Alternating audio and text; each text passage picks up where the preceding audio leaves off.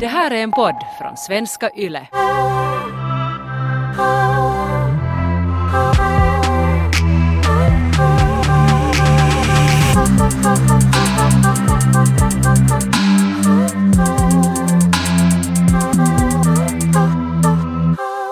Förra veckan var den mest prövande veckan på en liten stund. Okej, sanningen är den att jag hade krabbis.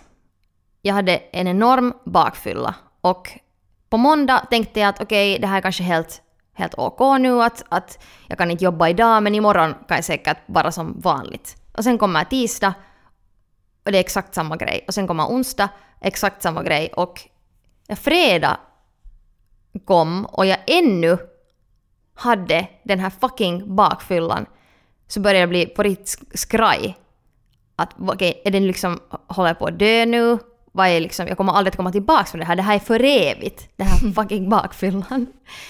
Lördag, jag sådär, ja, no, jag började vara ganska, nu, nu börjar jag liksom må första gången sådär helt OK, att jag kunde jag kände mig lite lättare och jag kunde sådär på något vis slappna av.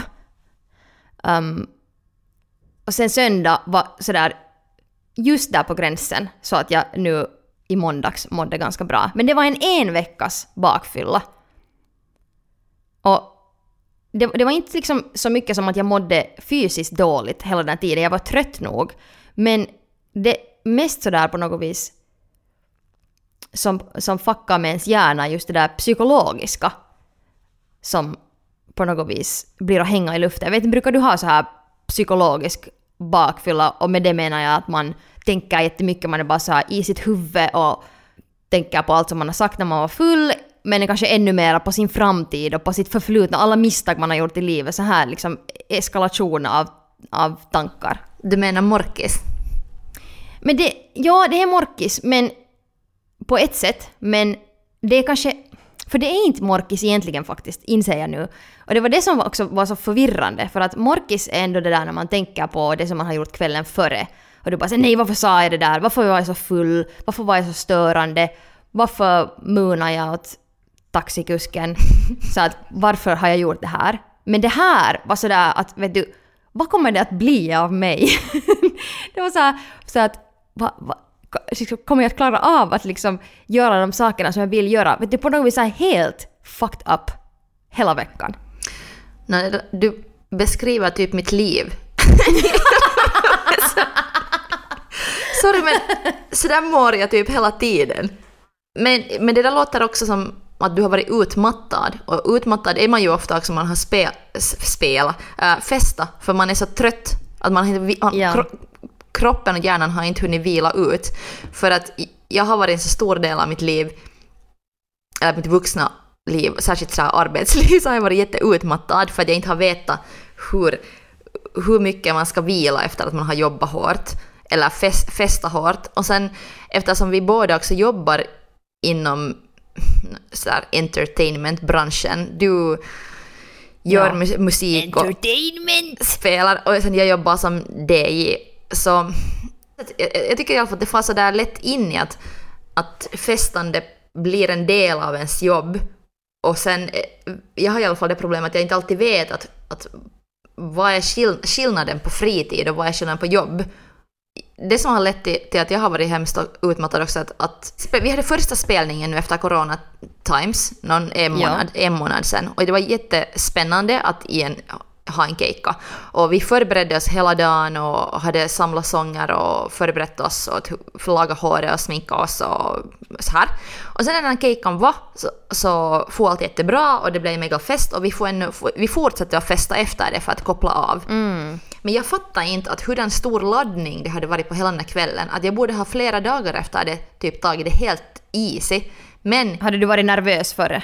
Jo, jag hade. Och det är ju jätte sådär utmattande. Bara så spänning, konstant spänning är jätteutmattande. Exakt. Och jag hade lite glömt det där. Att om jag är sådär spänd och sen på något sätt också får utlopp till den där spänningen. Ja, sen när det blir så explosion av adrenalin, du går jättehögt upp jättesnabbt och sen crashar man efteråt. Ja, så jag, jag kraschade typ en vecka efter det, just det där som du beskrev din förra vecka, för att, för att jag var också sådär att okej, okay, nu ska jag göra massa grejer den där veckan. Jag skulle se massa ja. kompisar, jag skulle göra jobb och sen, sen lyckades jag inte riktigt göra någonting och gjorde jag en, ens en grej så kraschade jag igen helt totalt.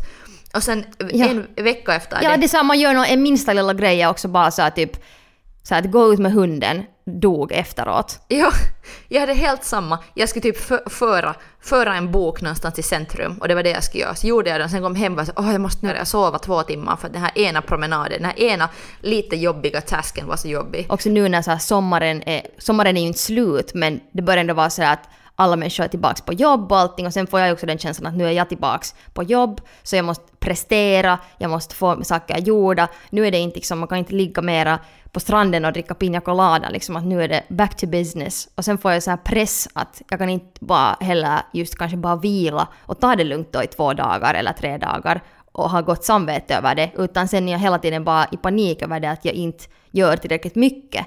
Och sen när jag inte gör tillräckligt mycket, så då är min hjärna sådär att du är lat, du är dålig.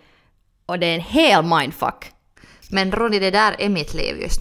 För att så där har hela Men det där suger ju Jag- för fan, det suger ju så jävla hårt. Jag vet, mitt liv suger. Du har rätt. Det här... Um, men på riktigt, hela den här sommaren har varit sån här.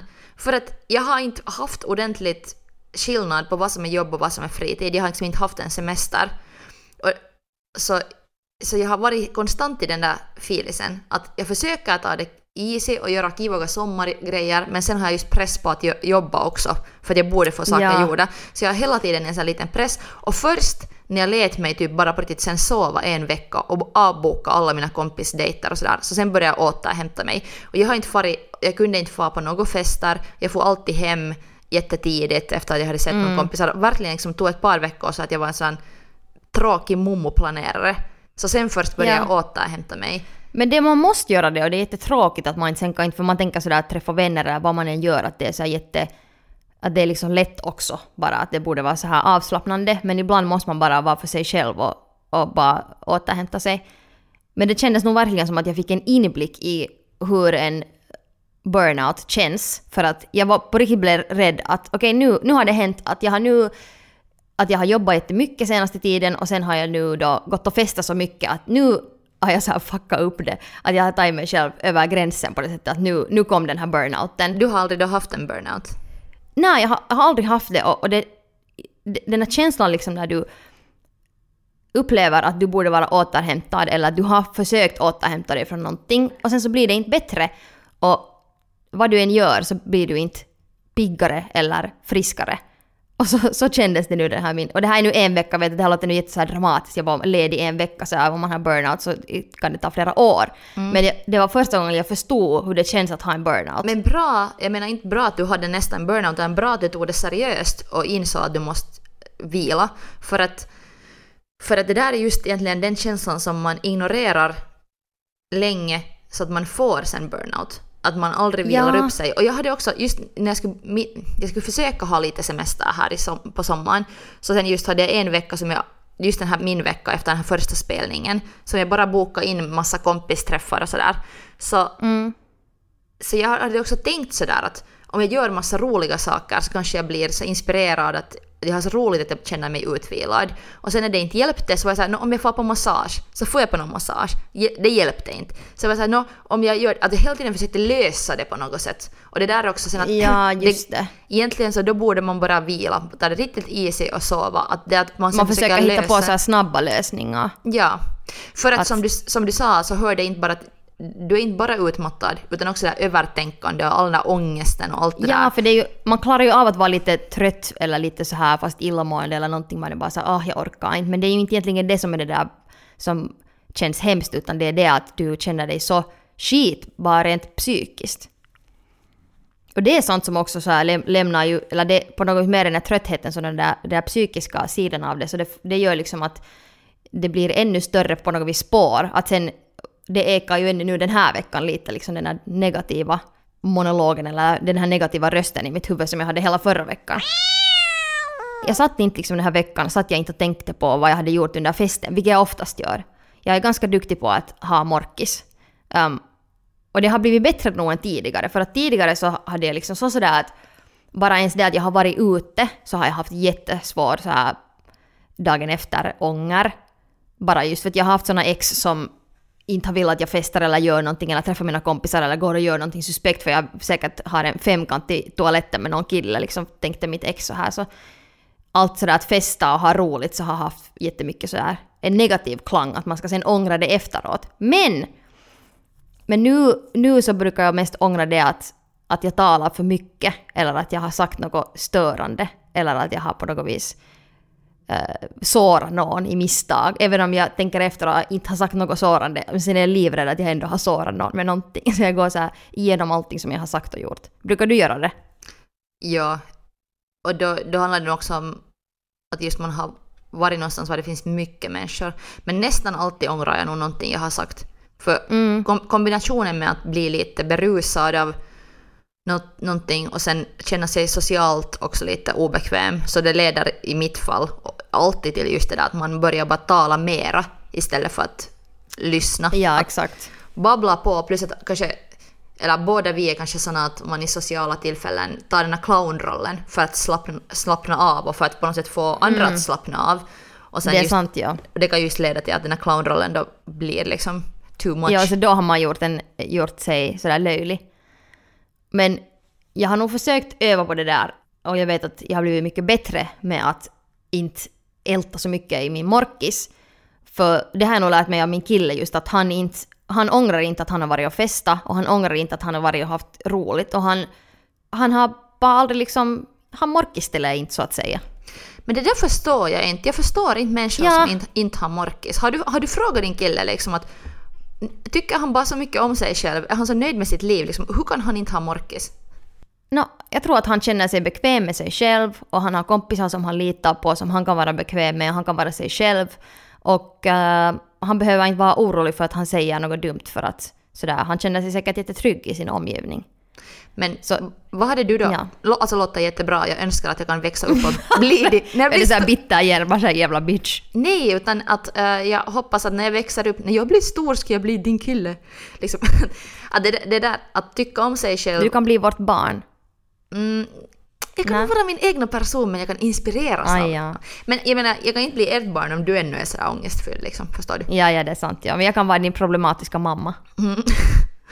Det här, men ja, det, det där som du sa, att din kille känner sig bekväm med sina vänner och bekväm med sig själv. Så det där är just det och jag, som är nyckeln. Jag är i alla fall så långt från det där. Jag är inte bekväm med mig själv men jag är inte heller bekväm oftast med de som jag festar med för att jag så fest, sällan är i en grupp av samma människor. Om man alltid ska ha ett så här gäng om man alltid ska ha en här entourage som man gör allt med så att, så att man vet sin egna roll och man vet på något sätt just att, att, de, att man är i en trygg bubbla. Men jag, är, jag har inte riktigt sånt där festentourage. Har du? Alltså jag har inte ett entourage som är såhär vet du hej, ikväll ska vi baila! Och sen får jag med samma typer som vi alltid är, vi fem då eller vet du, typ så här ett samma gäng som man är med. Att jag tror på något vis att, för det är också så här att sen är man ju rädd, man är bekväm med de människorna men rädd för alla andra. Så jag har försökt kanske göra mitt bästa att bli så, så pass bekväm med mig själv. Och sen har jag, använder jag min kille som en krycka. Så att om jag har, inte vågar komma in till ett evenemang ensam så måste, ha- komma han emot mig och han kan hjälpa mig så här, klara mig i sociala situationer. Om jag vill bort från någon diskussion så kan han rädda mig från den. Så då på något vis klarar jag av det lite bättre än tidigare. Okej. Men vad är det då som du nu har haft morkis över då förra veckan? Att, vad är det som du då har sagt? Är det, någon vissa, är det någon vissa situationer som du skäms över? Eller sa du någonting? Sårade du någon? Liksom, vad var det som gjorde att, att du nu har haft existentiell krisen? Eller är det bara övertänkande? Nå, ja, det är övertänkande. Det var inte som att jag hela veckan sådär just tänkte på allt som jag har gjort fel när jag var full för en gångs skull. För oftast finns det alltid några grejer som jag tänker på. Men nu så fanns det ingenting. Det hade varit ett jättetrevligt veckoslut och ingen drama, ingenting, inga jobbiga typer. Så jag tror att vad som sen ledde till den negativa eh, spiralen var det att, att jag var så trött att jag inte kunde göra någonting och sen alltid om jag, också om jag är sjuk så får jag jättedåligt samvete att jag inte jobbar. Alltså att jag har svårt att slappna av. Hela tiden tänker jag ändå att jag borde jobba mera, jag borde liksom, jag gör inte tillräckligt. Och sen när jag inte gör tillräckligt så är jag inte tillräckligt. Så sen, sen fick jag liksom den här existentiella krisen att vad ska det bli av mig? Jag, jag känner igen det där jättemycket och eh, jag har den här sommaren måste inse att, att sociala medier får mig att må så dåligt, att Instagram till exempel får mig att må så dåligt, att jag ska försöka posta så lite som möjligt. För jag har ju förr postat massor och jag har gjort konst på Instagram och jag har använt det dagligen jättemycket. Men den här, men den här sommaren så har jag fått fått ångest, så här FOMO, för att jag har blivit avundsjuk på alla typ på Instagram. Och sen just det där att, att när man så lätt kan se så många människor leva så mycket liv så känner jag, allt, jag har känt mig så otillräcklig. Samtidigt som jag har känt mig otillräcklig och just det där att, att jag gör inte tillräckligt så jag är inte tillräckligt, den känslan har jag haft hela sommaren. Så vet jag också att jag vill snart använda min Instagram och jag vill använda min tid på ett annorlunda sätt jag kanske har använt den förr. Så därför känner jag mig konstig för att jag har så vant mig vid det där att jag hela tiden postar på Instagram och får därifrån någon slags bekräftelse av att jag gör tillräckligt. Så kombinationen av det att jag inte själv har fått bekräftelse och sen det där att jag har sett hur mycket andra postar sitt härliga liv. Så det var liksom jättejobbigt. jag, Ja, det visar hur viktigt den här bekräftelsen är. ja, ja. Jag måste gå till läkaren för jag har så ont i mina vrister och jag tror att jag har en, ehm, alltså mina vrister är sjuka för att jag använder min, liksom, mina händer så mycket, antagligen då delvis för att scrolla. Alltså jag har troligen någon slags belastningsskada, det låter jättekonstigt men, men av det, jag är så beroende av min telefon. Alltså för att jag, jag, jag, liksom, jag får så mycket ändå kicks av att läsa grejer och whatever memes eller titta på sketcher eller vad det nu sen är. Men jag är så mycket på min telefon att jag har liksom mina, jag kan inte gå snart ut med min hund med min, med min vänstra hand för att jag har så ont i den. Och det känns, det känns lite så här excessive. Min, min- min kille har faktiskt samma och jag säger till honom också att du har varit för mycket på din telefon och sen är min bra kompis äh, som jag just såg också så han hade också så stöd nu på sin hand för att han har också det. Att det är nog Och en förresten, jag, jag talar om vrist men det är ju fel. Alltså handled är det handled, jag sa det, jag blev också confused, handled. Ja, Men att- handled menar jag. Så. Någon att jag textat med tårna. Men att, att det är, en, det är ett vanligt problem i vår tid att ha just belastningsskada i handen. En, en em, poet som jag tycker mycket om, Chelsea Minnis, har sagt i en intervju att, att hon i något skede skämdes alltid när hon gick på fester, när folk frågade henne “Nå vad gör du?” och sen skämdes Och jag hatar det så mycket. Ja, men sen hon Jag skämdes... hatar hon, men lyssna! Hon skämdes över att berätta att hon är poet för att hon kände sig så... Att det är så sådär unimpressive, oimponerande. Att, att, hon- att hon bara sitter dagarna i ända hemma och skriver.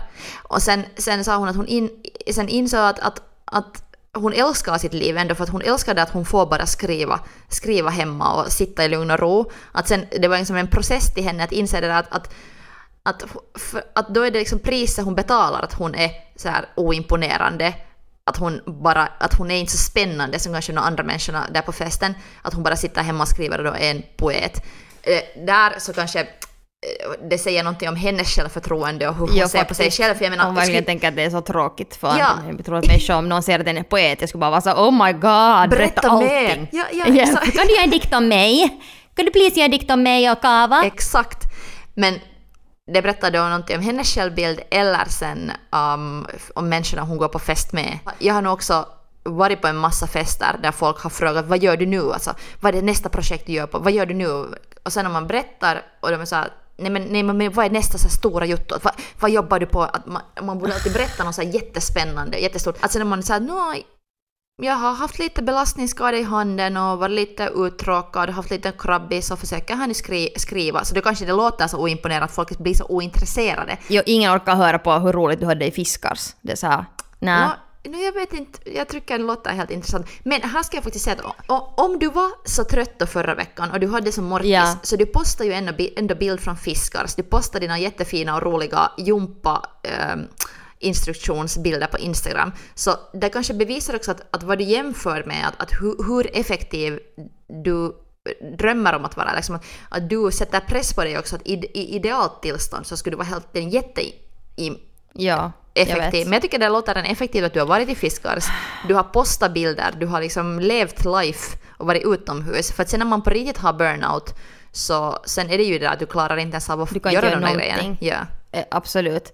Och alltså, jag vet att jag har jätteorealistiska standarder vad, som, vad jag borde liksom... Jag, jag är aldrig sådär tillräckligt bra i mina egna ögon. Att alltid, fast jag skulle ha jobbat reven av mig så brukar jag alltid tänka sådär att "Nå, men jag skulle nog kunna göra mera. Så tänker jag alltid om allting. Jag har den här sommaren kanske just insett det där att, att jag älskar att vara lat. För jag har inte varit lat på så länge. Och Mm. det, det här, jag har inte valt att vara lat, utan det har kommit hemskt mycket på grund av också corona som, som uh, gjorde så att alla festivaler och allt, allt sånt som jag annars brukar jobba med hemskt mycket på, somrarna har försvunnit. Så det har också gett mig så mycket fritid att, att jag har på något sätt måste också bara ta det lugnt. Men mitt hår har vuxit massor. Jag har haft äh, bättre hud än jag har haft på jättelänge. Äh, jag har inte varit sjuk på alls samma sätt som jag brukar vara. Och äh, då insåg jag att det har, allt handlar om därför att jag har hunnit sova så mycket och hunnit ta det jätte-easy. Wow. Och samtidigt att så... det är bara så, så sådär egentligen simpelt fast ingen människa hinner ändå chilla så mycket som man har kunnat chilla under karantänen, eller vi kanske, andra människor kanske inte chillar men... Nej, alltså vissa människor har ju måste jobba ännu mer på grund av den här ja, Precis. Så, samtidigt kände jag mig hemskt privilegierad när jag säger att jag har kunnat vara lat och bara chilla. Men du har behövt det också, så det, det är helt tydligt så tack gode gud att du hade möjlighet att göra det, liksom för att du har ändå så många år helt tydligt behöva få vila lite. Nej, inte, jag, har, jag har inte lyckats njuta av latheten egentligen. Du har inte lyckats njuta? No, okay. kanske, kanske alltid stundvis sådär att, att sova en lång sovmorgon kan ha varit skönt. Men sen just den där pressen att oj nej, jag har inte skrivit min debutroman, jag har inte äh, kommit på ett fantastiskt coronakonstprojekt. Vet du, att du har ju herregud, ja. du, har ju, du har ju en skiva på kommande. Du har ju stedigt, du har ju hela tiden lyckats jobba. Så nu måste du nog i alla fall liksom klappa dig på axeln och säga du, du är ju jätteeffektiv men kanske då på riktigt du har lyckats också producera så mycket att sen plötsligt när en vecka blir jobbigare så blir det så här, oj nej, att nu... Ja, var det här nu liksom slut på den kreativa saften? För att Ronja, jag har inte på riktigt lyckats göra någonting.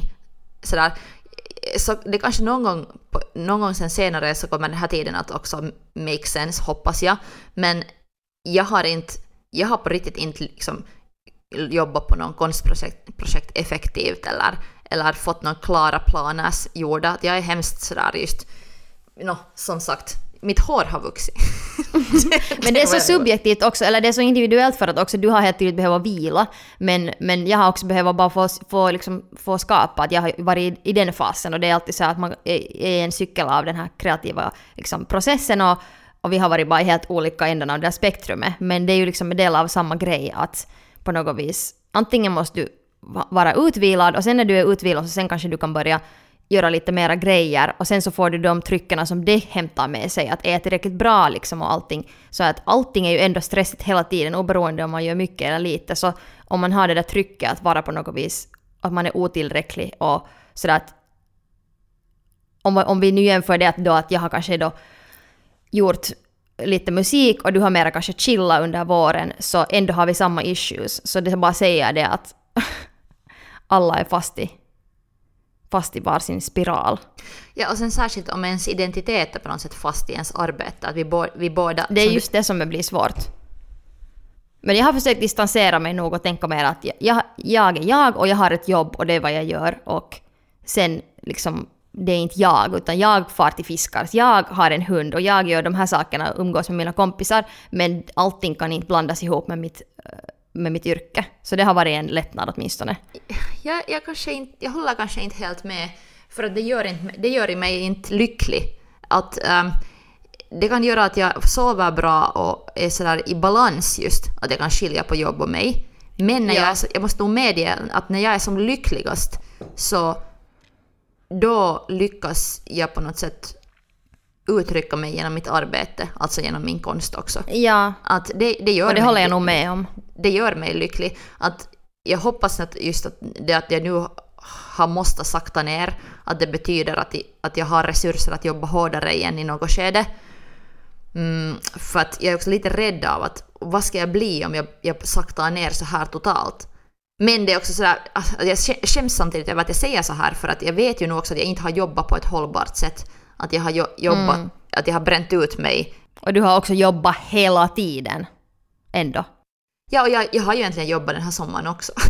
men men ja. bara, bara sådär jätte oeffektivt på något sätt för att jag har haft så konstigt lite jobb. Och allt är så väsentligt ändå sådär att vad det än handlar om så alla gör saker liksom på olika sätt och med olika taktiker och olika sätt att behandla grejer och i olika takt så på något vis man alltid kommer ihåg att jag är jag och jag gör min grej och jag gör det i min egna takt. och på mitt egna sätt. Och de här människorna gör det här och det är jättenice. Men vi är inte samma människa och det tar inte liksom bort från mig heller vad andra människor gör. Den där veckan som jag hade för någon en månad sedan när jag var supertrött och eh, insåg att jag hade festat för mycket och jobbat för mycket och bara höll på att ta slut på alla möjliga plan. Um, så jag är helt stolt över en grej som jag gjorde var att, att när jag avbokade just en kompisdejt som jag hade planerat att ha och vi hade inte hunnit ses på jättelänge så vi hade båda sett fram emot att nu ska vi äntligen ses. Så jag skrev till henne flera dagar i förväg så hej, att jag märker nu att jag har lite burnout-symptom, att jag måste bara ta det helt easy, att kan vi kolla på nytt i augusti? Och sen svarar hon till mig att, att jo såklart att jag är också lite sjuk, att vi kollar på nytt i augusti, det blir just bra. Men det att jag Ja. var ärlig om det, för så oftast har jag skämts också över att om man är trött, att det har kännas sådär att, att, att det är inte en OK ursäkt att bara vara trött, att då måste mer vara såhär sorry att nu hinner jag inte, jag har så mycket annat eller jag har mycket jobb eller jag måste sen också fi- fixa det här eller någonting. Men att medge så att hej, Mm. Det är så sant, det är jätteviktigt att, att kommunicera det och att liksom också... För, för istället för att just göra det där att man säger att, no, att jag glömde att vi skulle ses eller, eller jag orkar inte, utan bara så här, förklara det kort, vad, vad det är som du känner. Det liksom hjälper kompisarna att förstå dig och hjälper en själv att förstå en själv. Det, är liksom, det har varit så sådär avgörande också att jag lär mig att säga vad orsaken är att jag inte kommer på den och den festen. Mm. Och just det där att, att det kan kännas dramatiskt att säga det. Kändes för mig först lite dramatiskt att säga att, att hej, att jag har burnout-symptom, att jag måste ta det easy. Men det var Ja, sanning, lättare att bara sanningen. ljuga att man liksom någonting. Ja, att det var sanningen att samtidigt så var jag så okej, nu att det, här är mitt egna fel för att jag har festat för mycket, att nu har jag morkis och krabbis och nu klarar jag inte av saker som jag har bestämt att det här är mitt egna fel.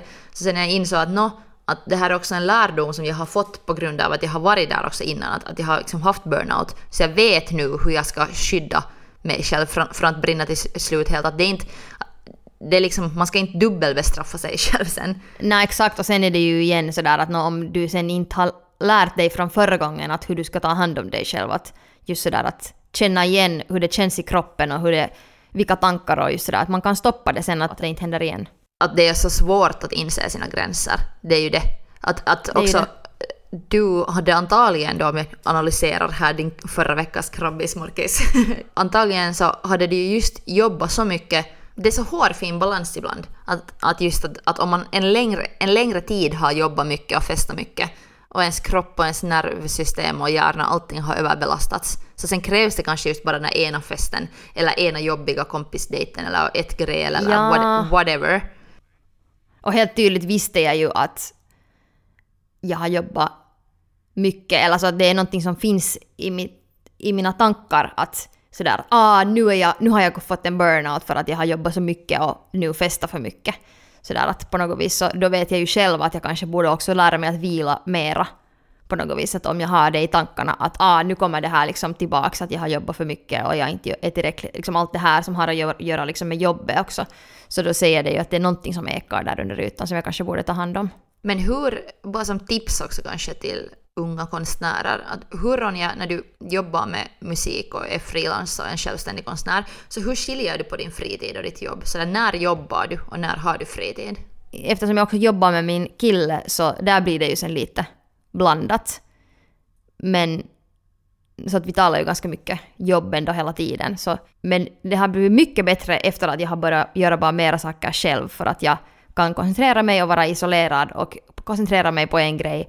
Och det är mycket skönare än att jobba med en massa människor varje dag, tycker jag. Ja men då, då slipper du ju förklara också. Att då, behö, då, då behöver du inte förklara uh, sådär att hurdan beat du vill ha eller hurdan vibe du vill ha där eller hur ska det här låta utan då gör du bara det. Att då sparar du, sparar du den här energin. Jag har sagt det här förr också men jag just minns att, att Tommy Genesis, en musiker, så hon sa att, att för henne var det största, liksom, det viktigaste i hennes skapande att hitta ett team runt sig som hon inte behöver förklara sig själv för. Att alla som, och det där kanske just den där entourage också som din kille då har hittat, att han festar med folk som han inte behöver förklara sig åt. Exakt, det är så viktigt att du känner dig trygg och avslappnad och sen att du kan bara göra din grej. Och du behöver inte någonsin tänka sådär att men kan jag säga det här, kan jag göra det här, kan jag skriva en sån här grej, kan, är det här liksom OK, eller kommer jag att se dum ut, kommer någon att dissa mig, sådär. Att jag tror att det är jätteviktigt. För då kan man ju aldrig slappna av om man måste hela tiden tänka sådär mycket. Då, då känns det ju nästan som att man jobbar när man festar, om man hela tiden måste tänka sådär mycket. Jepp, och sen vad det nu än handlar om och vad man än liksom gör och vad man har för yrke. Så just det där bara att vilka människor du har att göra med dagligen, så det är så avgörande för ens mentala hälsa. Mm. Men jag kan nu berätta för dig Taika då att, att som du märkte då på lördag och söndag att jag hade postat några roliga grejer för att jag försökte lyfta min filis och få, som jag oftast gör med sketcher bara för att jag ska bli på bättre humör och det funkar. Så nu mår jag riktigt bra och jag kan berätta för dig att jag kommer att överleva det här Bra. och um, jag kommer att... Du fick din, do, du fick din dos av äh, bekräftelse fast du kände dig otillräcklig, så nu, över, nu överlever du igen.